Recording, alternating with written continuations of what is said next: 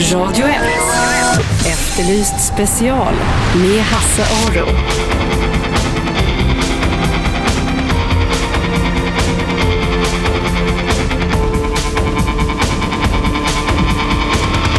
Välkomna hit Efterlyst special på Radio 1, Sveriges bästa radiostation enligt eh, Radioakademin tror jag de heter. Och vem är jag att argumentera mot dem?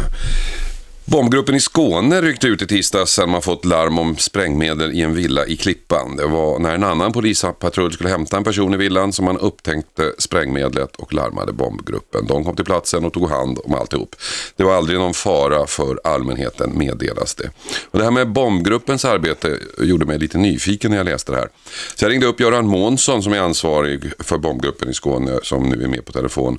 Och Göran, det här ärendet i tisdags, det var ingen större affär vad jag förstår. Nej, det, för oss är det som ett, eh, ett rutinärende. Mm. Hur ser ett typiskt uppdrag ut annars? Ja, de vanligaste uppdragen vi har är ju att, att ta hand om eh, granater och, eh, som, som folk hittar i källare på vindar i samband med dödsbon och, och när man städar sina stugor. Mm. Så folk har det liggande hemma alltså? Ja, det finns ju mycket materiell kvar. Alltså folk har ju gjort eh, genom tiderna i värnplikten. Mm. Och då har man ju plockat hem eh, eh, minnessaker så att säga då till, till eh, gården. Och sen har tiden gått. Det här kan ju vara från 1910, 1920. Och sen går ju tiden och mannen i familjen dör och änkan är kvar. Och, och blir då orolig vad det här är för någonting. Mm. Och sedan kan det vara att man, man säljer sitt eh, hus och så upptäcker man någonting på vinden. Vad ska man göra då om man, om man, om man har ett hus med en, eller hittar en granat på sin vind? Är, det, är de inte ganska säkra ändå?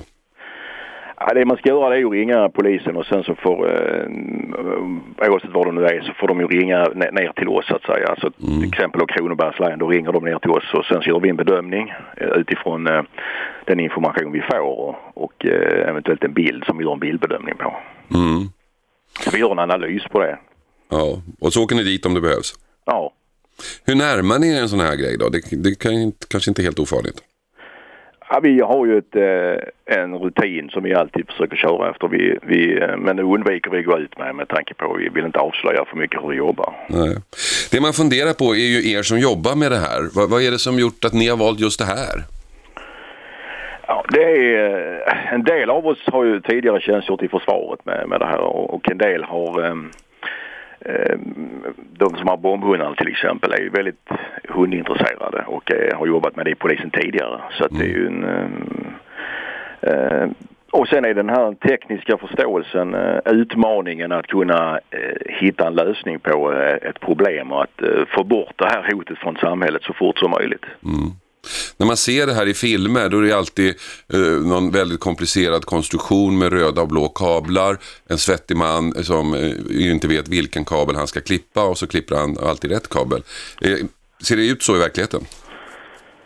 Nej, den normala verkligheten ser inte ut så. Det är ju mycket film men eh, jag vill inte gå in för mycket i detaljer på hur vi jobbar men det, det där är ju ingen omöjlighet. Nej.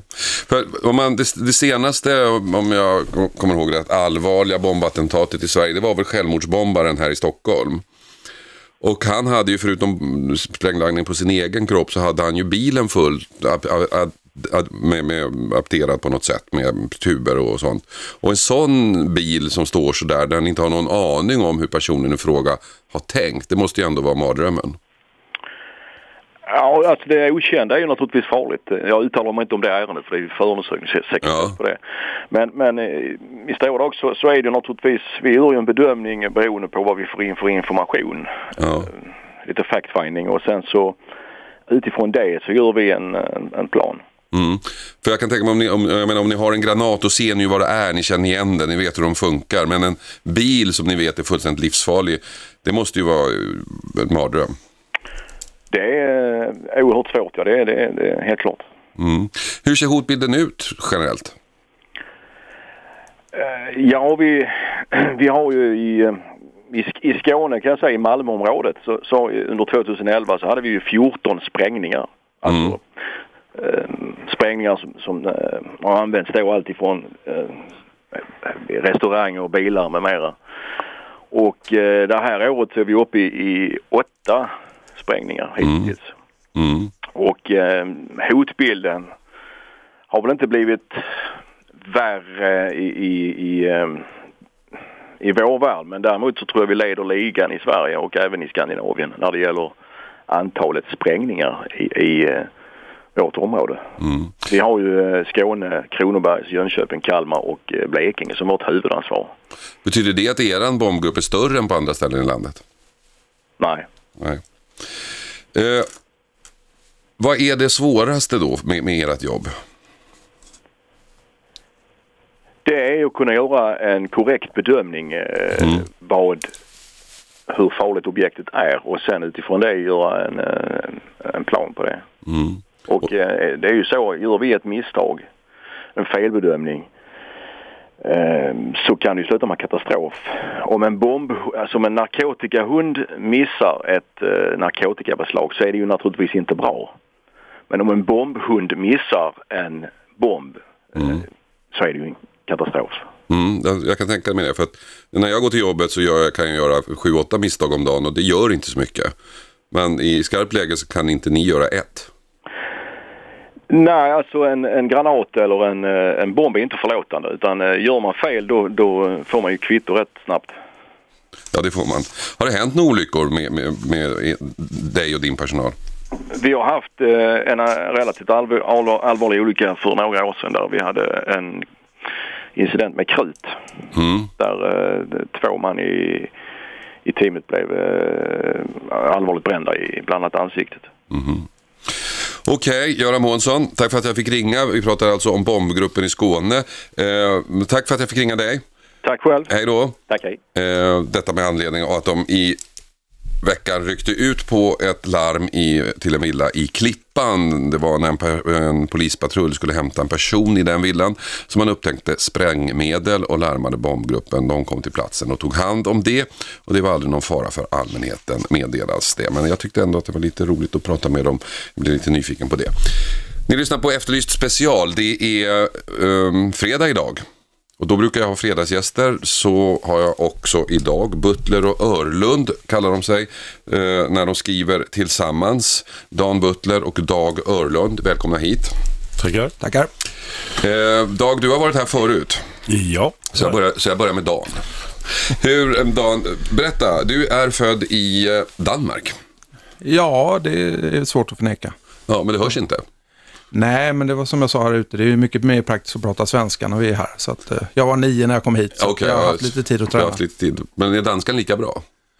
Eh, det är många andra bedöm, men eh, jag tror vi håller oss till svensk idé. Det tror jag. Ja. Jag, är faktiskt, eh, jag förstår faktiskt danska, så jag, tycker, det- jag tycker danska är mysigt. Ett mysigt språk. Jag gjorde, en, jag gjorde en intervju här för med en, en kollega till er, författarkollega, Susanne Staun, som bor i Danmark. Och så spelade vi in, jag tror en halvtimme här. Och jag hade jättetrevligt och efteråt sa mina kollegor, de lyssnade på det, det där kan du inte använda, ingen förstår någonting. Så det har inte sänds tyvärr, för det var väldigt trevligt. Eh, hur kommer det sig, ni har skrivit sju böcker tillsammans. Stämmer? Hur kommer det sig att du hamnade i det här? Ja, alltså det, Dag brukar alltid säga att det är mitt fel alltihop och, och Mm. jag, får väl, eh, jag får väl erkänna det. Då. det var, jag satt i, i tidernas morgon på eh, Dagens Nyheter och jobbade med internet. Eh, och för de som kommer ihåg så långt tillbaka så i slutet på 90-talet så var ju det här internet något väldigt eh, märkvärdigt och konstigt. Och, eh, även om ingen kanske begriper det idag så var det väl ännu färre som gjorde det då. Eh, och eh, då kom jag på idén till eh, första boken som egentligen handlar om en sorts eh, mordbytarnätverk för amatörer. Alltså om du blandar Match.com med ehm, eh, ja, blanda Match.com med eh, hur brukar jag säga? Mord. Ja, mo- ja okej. eh, och ehm, av förståeliga skäl så tyckte jag inte att det var någon bra idé att göra det där. Så att, eh, via nätet så fick jag faktiskt kontakt med Dag och eh, ringde upp honom och sa att eh, du ska inte vi göra en bok för jag är för feg och lat för att skriva den själv. Mm. Jag menar Dag har ju försörjt sig i, i 30-40 år på att skriva och han blir ju dålig om man inte får skriva så det är ju bättre att han gör det. Men är det du som lägger upp liksom intrigen eller? Ja, i början så var det väl lite så, men eh, det blir ju mer och mer suddigt nu numera. Så det enda som är helt spikat är att eh, jag skriver ingenting. Utan det är klart att jag har synpunkter. Till skillnad från eh, andra kollegor så tror vi inte riktigt på det där att, att, att vi ska försöka få ihop en text tillsammans sen, där vi har gjort olika delar. Mm. Eh, men annars så vi pratar ju om högt och lågt hela tiden och har åsikter om precis allting och det där kokar ju till slut ner i att, eh, att vi tar tag i något ämne och så säger vi att eh, eh, ja, nu ska den här boken handla om det och hur, hur beskriver vi bäst det? Så när vi är klara med den processen då har väl Dag ett hundratal sidor som bildar någon form av skelett. Och sen är det helt och hållet upp till honom vilka bifigurer han vill ha in i den handlingen och, och om hon ska ha grön tröja eller sånt där som jag är helt ointresserad av. Och Det är lyckligtvis Dag inte utan han tycker det är kul.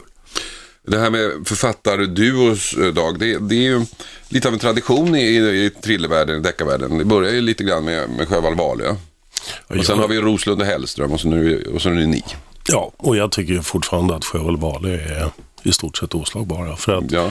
de lyckades ju inte bara med konststycket att skriva ihop utan eh, skrev vartannat kapitel och var dessutom gifta. Eh, och kombinationen att, att vara gift med någon och sitta vid andra sidan skrivbordet och skriva vartannat kapitel, det skulle inte jag ge mig på. Nej.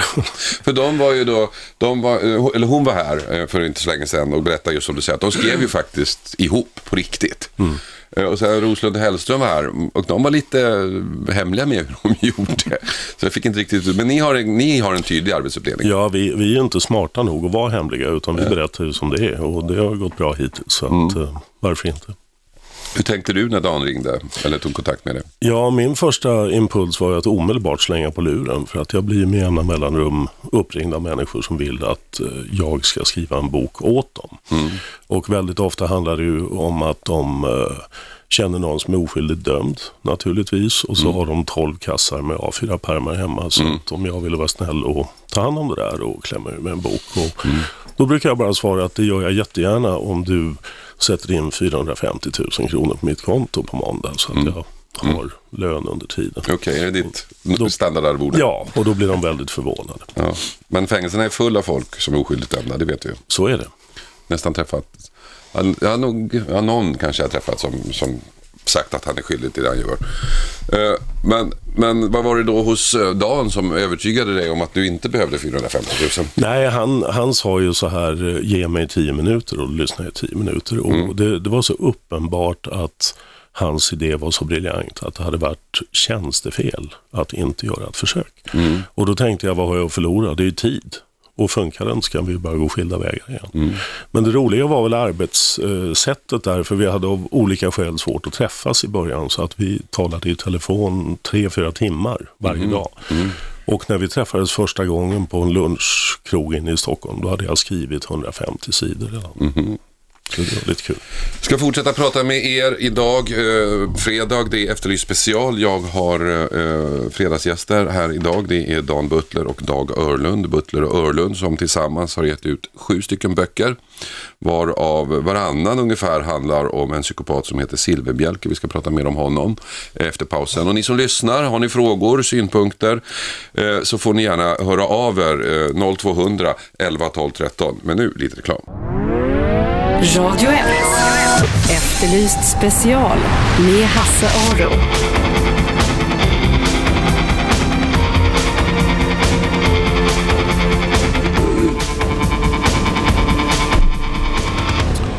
Välkomna tillbaka till Efterlyst, Efterlyst special så här på fredag. Jag sitter med författarna Dan Butler och Dag Örlund som tillsammans har gett ut sju böcker. Eh, varannan av, av dem ungefär handlar om en psykopat som heter Kristoffer Silverbjälke. De jobbar ihop. Eh, en, en kommer med idén och den andra skriver om man ska vara krass, men riktigt så är det nog inte. Men ungefär. Ni får gärna vara med i det här samtalet. 0200 11 12 13 och eh, vi har med oss en lyssnare. Hallå, vem där? Ja, hejsan, jag heter Svea. Hej Svea. Jo, jag har försökt så länge komma fram till Eva Rust, men det, det var helt omöjligt. Ja. Men jag kan höra ändå här, då, för det handlar ju om mord också. Precis. Är man en bättre mördare om man mördar någon oplanerat än om man planerar mordet? Hur menar du då bättre? Ja, men det låter ju så på Eva Rust när hon sitter och försvarar den här Gazi. Ja, du menar Alltså, Det var ju så. oplanerat och det var ju Ja. si och så. och Du pratar, du pratar moral nu alltså? Ja, jag pratar moral och etik. Ja. Vad säger ni killar? Ja, till att börja med så jag hoppas att inte det ska behövas. Men ehm, låt bli till att börja med. Ja, men jag menar inte att jag ska mörda någon. Nej, vad bra, tack. Det var inte så. Men straffmässigt, eh, om man tittar på juridiken så är det ju så. Det blir det är hårdare straff för mord än dråp. Ja, jo det är ju det. I Mm. och för sig kan man ju förstå det, men, men eh, jag vet inte. Det är konstigt det här med Eva Russ, hur hon så har suttit och bjudit in den här. Jag vet inte. Jag, jag tycker, och många med mig, att hon har, verkar ha dåligt omdöme. Men, talat. men ska man inte, men menar du inte, nu har han gjort det han har gjort, jag vet inte exakt eh, hur det gick till, men är inte alla, uh, förtjänar inte alla en andra chans? Jo, i och för sig man kan tycka så också, men jag vet inte. Det är väl eh, kanske mest Eva Russ som vi liksom eh, börjar undra om hon har alla hästar hemma. Det är det väl har mer henne vi undrar om, liksom, hon försvarar det och, och så sitter hon liksom och jämför hela tiden med den här Annika Östberg, att hon är seriemördare och allt det här. Det är för att försvara sitt eget, att hon har tagit den här killen till studion. Ja, du, men just när det gäller henne så får... hon försvarar ju sig själv bara. Ja, men du, vet du vad? Jag, vet du vad? Svea. Svea, Svea, Svea, Svea. Hallå? Nu tar vi bort Svea där, för jag orkar inte med längre. Eller det gjorde vi inte, nu tar vi bort henne. Så. Jag försöker ta bort här, men jag vet inte fan hur det går. Sådär. Det ringde någon annan också. Ja, eh, så kan det vara. Men ni sitter ju då de facto och planerar mord. Ja, det gör vi. Men vi pratar ju faktiskt väldigt mycket moral apropå det här samtalet också. För att det vi är intresserade av det är ju inte det här egentligen det klassiska polisarbetet utan det är ju som eh, som Danne brukar uttrycka det, vad är, vad är det som får människor att gå över gränsen och göra det som vi andra inte gör? Vad är det som händer rent psykologiskt? Eh, och hur avancerade är vi egentligen? Och då har vi kommit fram till att det är vi ju inte, vi är ju väldigt primitiva varelser. För du, du behöver ju inte trycka upp en människa speciellt hårt mot väggen för att hon ska reagera och slå tillbaka. Nej. Eh, vi ska lyssna fler som ringer faktiskt. Hallå, vem där? Vem där? Är någon där? Hallå? Jag ska stänga bara radion. Ja, gör det. Bra idé. Hörru, du, men du har äh, polisen där i, i studion. Nej, det är inte poliser, de är författare. Ja, men, men du är ju inte just nu, men det är i början av veckan har du Ja. en polis som ska göra om polisens jobb. Ja, det, Ja, just det. Ja, just det. Cold Case-gruppen. Ja, just det. Och jag liksom blir förvånad att varför skulle de bli bättre än i andra omgången?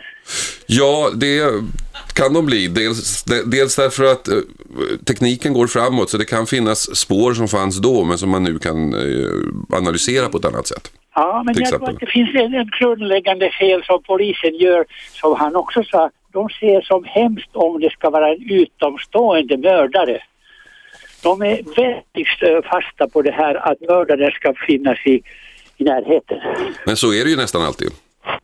Ja, men man får inte låsa sig på det. Nej, det får man inte göra. Men av 100 mord som begås i Sverige per år så är ju, klaras 80 upp inom 48 timmar och, det är ju för att det är en närstående.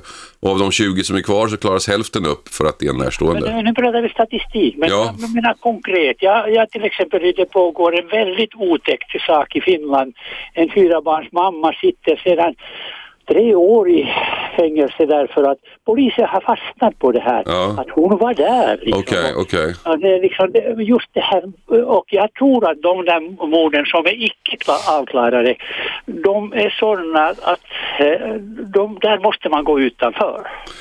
Och, ja, det tror jag också. Och det tror jag, det, det är väl kanske förklaringen till att man misslyckas ibland. Att, att, mördaren, att det är väldigt välplanerat att mördaren finns någon annanstans. Du, vi ska prata vidare här. Tack för att du ställde du två ljus, ställde du två ljus i fönstret igår då? Ja, det gjorde jag. Ja, det gjorde jag också. Bra, hej då. Tack. Två ljus i fönstret, vet ni vad det är? Nej. Det är så man gör på Finlands nationaldag. Ja. Ja, vi, vi är inte såna här grabbar som tänder ljus. Inte? Nej. vad är ni för grabbar då? Om du skulle... Ja, alltså romansen har vi väl legat ganska lågt med under vårt samarbete. Ja, mellan er två ja. Ja, Men du är väl ja, romantik? Gifte inte du om dig med samma kvinna för, Jo, det för alldeles nyligen? Tre gånger har jag gjort Tre gånger har du gjort det, ja. Just det. Men det är ju... Det är väl romantiskt? Det är romantiskt. Och det, Jo, men det tycker ju alla. Ja, eller någon form av demens. Just det, så kan det också vara. Hallå, vem där? Hej, Hej. Kristina heter jag. Ja, Jag tänker på det här med mördare och så som, som Eva Russ och den Ja. där tjejen som mejlade till henne angående hur tragiskt hon är som förlåter henne och så. ja. Jag tycker att eh, det är jättebra att en person som har begått ett brott och bearbetar sig själv, som nu Gazi har gjort, då tycker jag att man ska få liksom en chans och sådär. Alla ska få en chans. Tycker jag också. Jag tycker att man ska få starkare, alltså det ska vara hårdare brott i Sverige. Hårdare straff menar du? Ja, Brotten är hårda som var med. ja, det, ja de är allt hårda. Du, tack för, tack för att du ringde. Killar, berätta om Kristoffer Silverbjälke. Oj. Eh, Eller ja. förresten, gör inte det, för nu ser jag att det är reklam när som helst. Det ringer som sjutton, jag vet inte vad, det är något mer som gör att de drar. Vem där? Försvann. Hallå, vem där? Hallå? Ja, Ja, hejsan. hej. Eva heter jag. Hej. Nej, men jag, jag hör på det här och jag förstår inte varför de drar en kam genom alla. För, för enligt min, och det är väl redan uppspjälkat, för att om man jämför barnamord Ja. med planerat mord Ja. så måste ju det vara en fruktansvärd skillnad mot om man dödar någon i självförsvar eller om den har en psykisk sjukdom. Men det är det ju också juridiskt. Ja, Man gör ju skillnad på det. Ja visst, ja, visst. jag förstår, jag förstår inte då varför de bråkar om eh, en mördare. Jag har inte lyssnat på det programmet. Men, men eh, det, det hårdaste straffen, de, de är helt totalt oförlåtna, de som gör ett barnamord. Det, det, ja, det, det är så hemskt, man kan inte ens Nej. sätta sig in i det. Va? Du, vi ska ha reklam. Tack för att du ringde. Ja, ja, tack, hej. Eh, ni lyssnar alltså på Efterlyst special. Det är lite spretigt idag, men det tycker jag är trevligt. Eh, egentligen så har jag två författare, Butler och Örlund här. Vi pratar om, eller vi försöker prata om eh, deras böcker samtidigt som ni gärna får ringa in och komma med synpunkter. Men vi släpper det där med Eva Russ mördare nu, för att det får ni ringa till henne om. Vi ska prata om psykopater efter pausen, så häng på. Radio 1. Efterlyst special med Hasse Aro.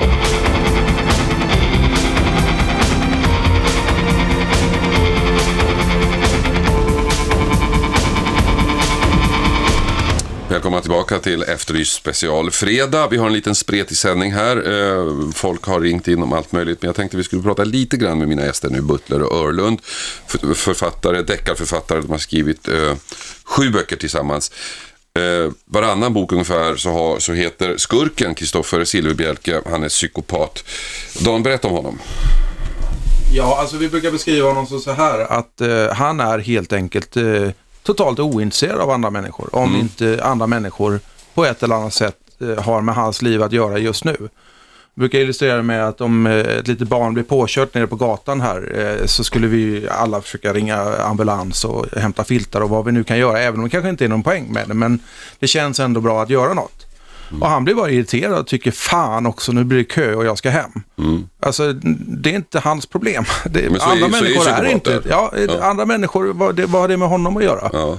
Så så länge du inte är i vägen eller så, så, så är det absolut ingen fara. Men han är ju lite jobbig till skillnad mot den här, eh, ja ursäkta, jag brukar använda järnrör i ett annat sammanhang. Det har ju skiftat lite betydning nu på sistone. Men alltså, står det en kille med ett järnrör eh, på gatan, ja men då kan du ju gå över på andra sidan gatan.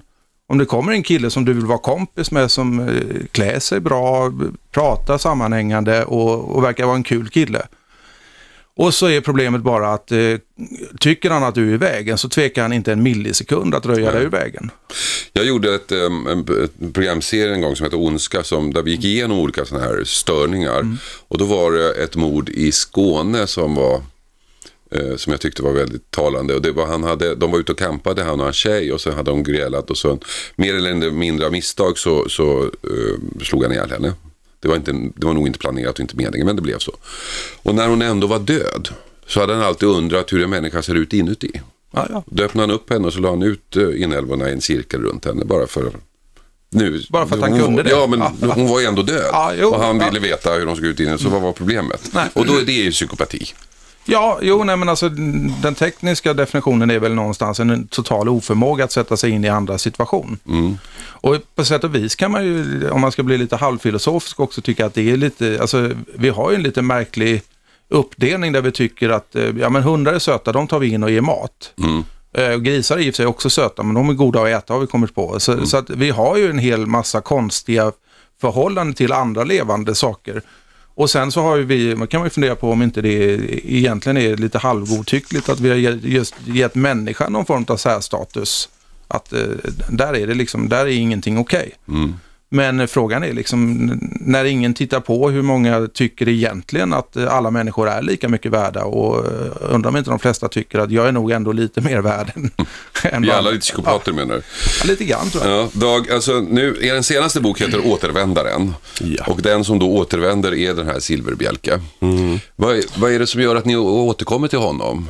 Ja, vad som hände det var att, att egentligen var det nog uppgjort mer eller mindre att han skulle dö redan i första boken. Och eh, när jag satt och skrev det och kom så långt så, så jag klarade inte av det. Bara jag kunde ta död på honom. Nej. Och då blev det en bok till som hette Grannen och då var det definitivt bestämt att han skulle dö på slutet och samma sak hände att eh, jag kunde inte få ner fingrarna på tangenterna, det gick inte. Eh, sen var ju Silverbjerke tvungen av, av olika skäl att fly Sverige för att eh, kommissarie Colt är ju lite irriterad på honom och vill gärna träffa honom. Och det är en hjälte, Colt. Det är Colt. Och han, eh, då gömde sig Silverbjerke i Florida och där blev han då så småningom lite, lika irriterad på dumma amerikaner som han är på dumma svenskar. Så att han hade dessutom två saker som han måste ta hand om i Sverige. Han måste ta hand om sin mamma och han måste övertyga sin psykiater Mariana Granat om eh, att han är den enda rätta. Och när du säger då ta hand om, så om det hade varit du och din mamma, då hade jag förstått vad du menar. Men vad menar du i det här fallet? Ja, det är så att eh, Silverbjälke har bara haft känslor för en enda människa egentligen i hela sitt liv och det var sin pappa. Och han avlade på pappans dödsbädd ett löfte om att ta hand om mamsen. Så han har aldrig haft några känslor för mamman men han har alltid tagit väldigt väl hand om henne. Så det var faktiskt välmenande. Ja, ta hand. Men är det du då som bestämmer att nej, men jag kan inte ha ihjäl honom? Eller måste du då rin, ringa Dan och säga, är det okej om vi låter killen överleva? Ja, jag, jag tror faktiskt att jag lämnade manus med faktum till Danne den gången och sa att jag, jag klarar inte av det. Och då pratade vi om det och sa att nej men fine, då får han väl, får han väl försvinna. Och därefter har ju, har ju han blivit våra läsares eh, stora favorit. Och det var väl till och med någon som skrev på Facebook att han är en ikon. Ja. Och då kan man ju börja fråga. Men det är ju något med psykopater som attraherar oss. Jag menar, eh, film och tv och eh, litteraturhistorien är full av dem. Vi har ju då Hannibal Lecter och vi har ju American Psycho. Som, då, det är ju psykopater. På Ja, något var sätt fascineras Dexter. Dexter har vi också. ja. Och det är något som fascineras. Är det det som du är inne på Dan? Att det är liksom, vi är alla lite psykopater och Jo, därför alltså, fascineras jag tror- det. alltså, Vi kan jag- känna igen oss. Jag är ju helt övertygad om att, att vi fortfarande är grottmänniskor inne inne. va? Att, att vi sen har lärt oss att det, det är väldigt opraktiskt att vi springer omkring med klubbor allihop. Det behöver inte betyda att inte impulserna finns kvar. Och jag vet att jag tror det var Teknikmagasinet för några år sedan som sålde en eh, liten k-pista-trapp som du kunde ha i bilkupén. Eh, så att eh, när köerna blev för jävliga så kunde du åtminstone ha eh, maskingevärsknatter och avreagera dig. Och jag menar om en sån grej säljer för 139 spänn, då är det ju tydligt att det, vi kanske... Alla andra däggdjur, om du låser in för många i en bur så bör de slåss. Va? Jag menar, gå ner och titta på Ringvägen hur det ser ut i rusning. Va? Det folk är ju inte glada. Men vi får ju, vi får ju oerhört mycket mejl från våra läsare. Och eh, jag har ju roat mig med att fråga, för det är framförallt mycket kvinnor som skriver. Och då har jag sagt så här, men Silverbjerke är ju ett svin, framförallt mot kvinnor. Varför vill du ha mer? Och då finns det ju två svar och det vanligaste är ja, men han är ju rätt läcker i alla fall. Ja. Okej. Och sen sa min granne så här, det tyckte jag var rätt bra. Hon sa, han gör det jag tänker. Ja. Att när vi sitter i kö och någon kommer och skär av oss, då knyter vi andra handen i fickan. Och Silverbjälke åker i fatt och städar upp, för att sådana där människor behöver vi inte ha omkring oss. Men finns det inte ett tredje motiv också kanske? Att, att eh, vi kan spegla oss i on, ondska och onda människor. Och vi gör ju alla onda saker på olika nivåer. Men när vi speglar oss i någon riktigt ond så, så är vi i alla fall lite bättre. Inte så, vi är inte så onda som dem. Jag tror snarare att det handlar om den här fantasin, att, att man lever sig in i vad man möjligen skulle vilja göra i sina mest onda stunder, men som man inte törs eller ja, det kommer att kosta mig hela mitt liv och, och så. Eh, Och då kan man göra det genom den här karaktären i boken, för att han, han går faktiskt steget längre. Han gör alla de här grejerna och lite till som du inte ens hade kommit på själv. Men när ni sitter då och, och tillsammans och diskuterar en intrig. Vad är det då som är en bra historia? Hur vet ni att eh, nej, men nu, nu är vi på gång här? Vad är, det, vad, vad är det som skapar en bra historia? Nej, men vi har, som jag sa tidigare så har vi alltid börjat med, eh, alltså mord.net handlar ju på ytan om eh, människor som eh, känner att deras liv skulle vara bättre om eh, vissa typer inte fanns där. Det kan vara en kompanjon eller eh, en fru eller vad som helst så, som man känner att man inte klarar av att hantera. Och då, det, bästa, det är väl mänskligt att tänka att ja, men det är bättre att den där bara försvinner. Eh, Men den boken handlade ju egentligen om att det kanske inte är helt lyckat att vi har internet och, och sen en polis som inte ens, där, där inte ens Säffle och Uddevalla kan prata med varandra. Och så har vi då ett globalt nätverk där folk blir rika som troll utan att vi egentligen har någon polis som jagar dem.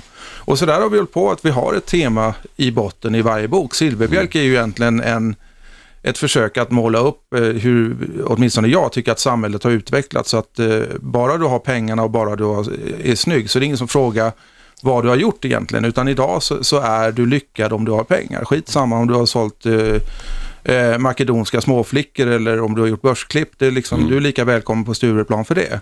Och dessutom har vi demonterat hela psykvården så att vi hinner ju aldrig fånga upp de människor möjligen skulle kunna fånga upp innan det sker. Men en sån som Silverbjälke skulle väl kunna snacka sig ur det? Han skulle klara sig ur det, men det finns ju, du har han som gick till attack mot folk på Brommaplan, du har han som körde ner folk i Gamla stan och så vidare. Alltså det, där hade man ju möjligen kunnat fånga dem. Det finns ju gott om exempel på folk som åkte in på psykakuten, sökt hjälp, fått nobben och gått rakt ut på gatan och dödat någon. Mm, ja, det hände ju här på Hornstull för inte så länge sedan. Ja. Men vad säger du då? När, när, du, när du hör Danne berätta om olika idéer, så här, hur, vad är det du går igång på känner, vänta nu, här, det här tror jag på. Jag tror att alla gånger, alltså vi har ju en idébank som är ganska stor vid det här laget och, och eh, där är det ju alltid ett par idéer som har prio som vi går och pratar om. Ska vi ta den nästa gång eller den nästa gång? Och jag tror bara att det har varit en enda gång, nu kommer jag inte, jag har förträngt det, men jag vet att vi hade en idé där vi gick och bollade med men jag kände bara att det här funkade inte. Och så sa jag det till Danne att jag känner att det här funkar inte.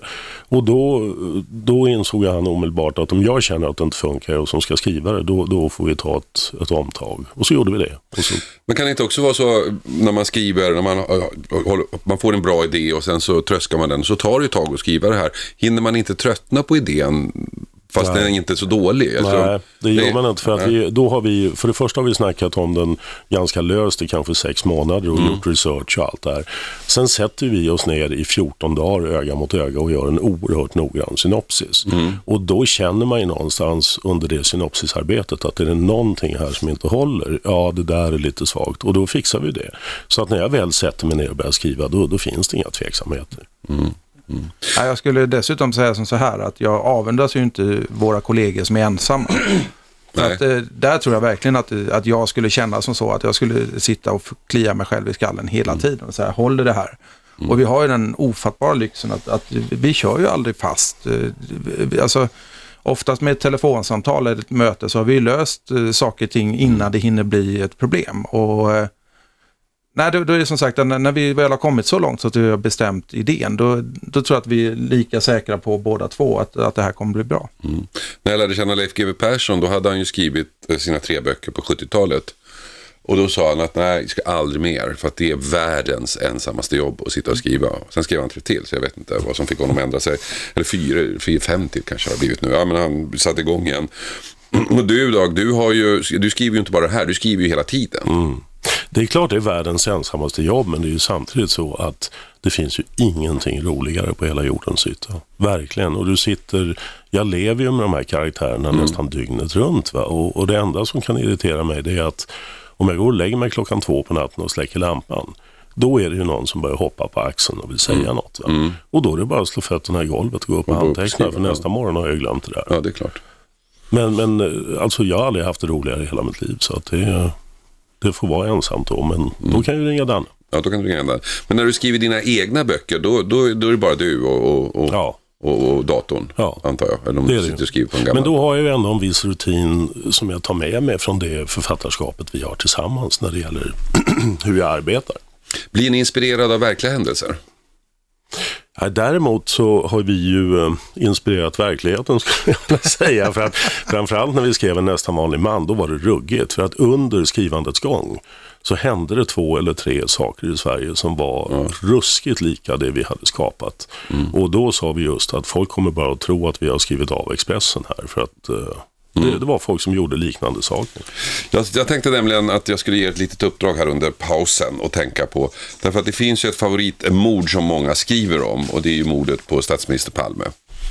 Och då tänkte jag höra mer efter pausen. Ni får fundera nu i några minuter. Om ni skulle skriva om Palmemordet, hur skulle intrigen se ut då?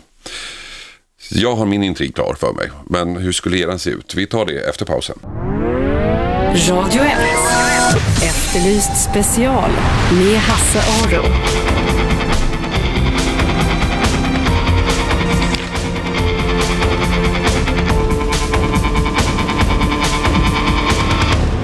Välkomna tillbaka, Efterlyst special, eh, fredag. Jag har fredagsgäster, författarna Butler och Örlund. Dan Butler och Dag Örlund som tillsammans har gett ut eh, sju böcker, sju deckare. Den senaste heter Återvändaren och den som återvänder är en återkommande skurk i deras böcker, Kristoffer Silverbjälke. Före pausen så pratade vi om huruvida man hämtar idéer från verkligheten eller inte och då bad jag killarna att fundera lite grann på Palmemordet. Om de skulle skriva om Palmemordet, hur skulle intrigen se ut då? Vem vill börja?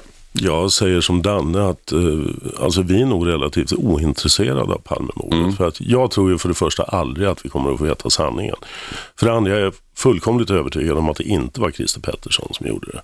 Utan jag tror att det är en betydligt större och mer komplicerad. Men om du nu var tvungen att skriva någonting om, hur skulle din konspiration se ut? Var skulle du börja? Ja, min konspiration är ju den att eh, Palme satte ju stopp för en jätteaffär mellan Bofors och Indien Mm. som fick långtgående politiska konsekvenser internationellt.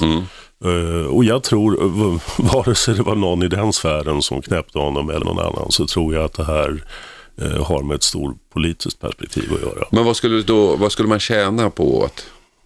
Ja, alltså Palme var ju oerhört kontroversiell och han ställde ju till med saker eh, på olika sätt och yttrade sig i frågor som var storpolitiska och internationella. Och jag tror att han väckte en tämligen stor irritation runt om i världen. Och jag tror att någon bara bestämde sig för till slut att ta bort den här tomten för att det här det är inte bra. Vad säger du Dan, hur skulle din intrig se ut? Nej, men om du nu tvingar mig att jag Ja, måste göra jag gör det, det. Så, så skulle jag nog, eh, alltså, jag var inte jättegammal på den tiden, eh, fick jag sagt att jag sitter här med äldre farbröder. Men- Nej, men Ja, att, vi är eh, faktiskt födda samma år, jag Ja, och jo, Dag. Ja. ser. Eh, och, ehm, men jag kommer ihåg det här, alltså det var ju faktiskt fråga om ett hat. Mm. Det, det vet jag inte hur många som, som liksom fortfarande minns, men alltså Mm. stämningen på högerkanten var, var ju allt annat än gullig. Så att eh, jag tror nog för att liksom någonstans hålla det på hemmaplan så hade jag nog ändå eh, satt ihop en konspiration utav eh, just sådana här högermänniskor. Och ja, alltså, någon, dels, jag är absolut ingen expert på hur polisen jobbar, men det är ju frapperande hur mycket korkade saker som inträffade strax efter. Otroligt. Och frågan är ju liksom om så mycket av det där är en tillfällighet. Så att eh, är man då konspiratoriskt lagd och, och börjar tänka den tanken att det faktiskt finns ehm, eh, att det faktiskt finns män med walkie-talkie så, så, är, så är det ju inte så långt borta. För, för jag har också svårt att köpa den här ehm, eh, att den här knarkande rotebroaren på något sätt eh, kanske inte skulle kunna, alltså nu- först i så fall, förstår det rätt, då skulle han ha hämtat vapnet och sen hunnit ikapp igen. Ja, tanken var att han såg att de gick in på bion Ah, okej. och då Ja. vet han att nu har jag två timmar på mig och så bor hans, eh, vad hette han? Cederström. Ja. Cederström runt hörnet så han springer upp till honom och hämtar en picka och går ner och ställer sig och väntar helt enkelt till filmen är slut. Och nu har jag aldrig druckit Baileys med honom, men jag har ändå en känsla av att, eh, att han var relativt lösmynt sådär. Så att jag, alltså jag tror bara inte på, jag, tror- jag Nej. tror att han tyckte om uppmärksamheten, men jag tror inte att han hade kunnat hålla det hemligt eh, i de kretsarna så länge. Utan hade det varit Framförallt han när det fanns hade en belöning på 50 Ja. miljoner Mm. till den som tjallade så har man ju svårt att tro att grabbarna på parkbänken i Sollentuna skulle ha hållit käft.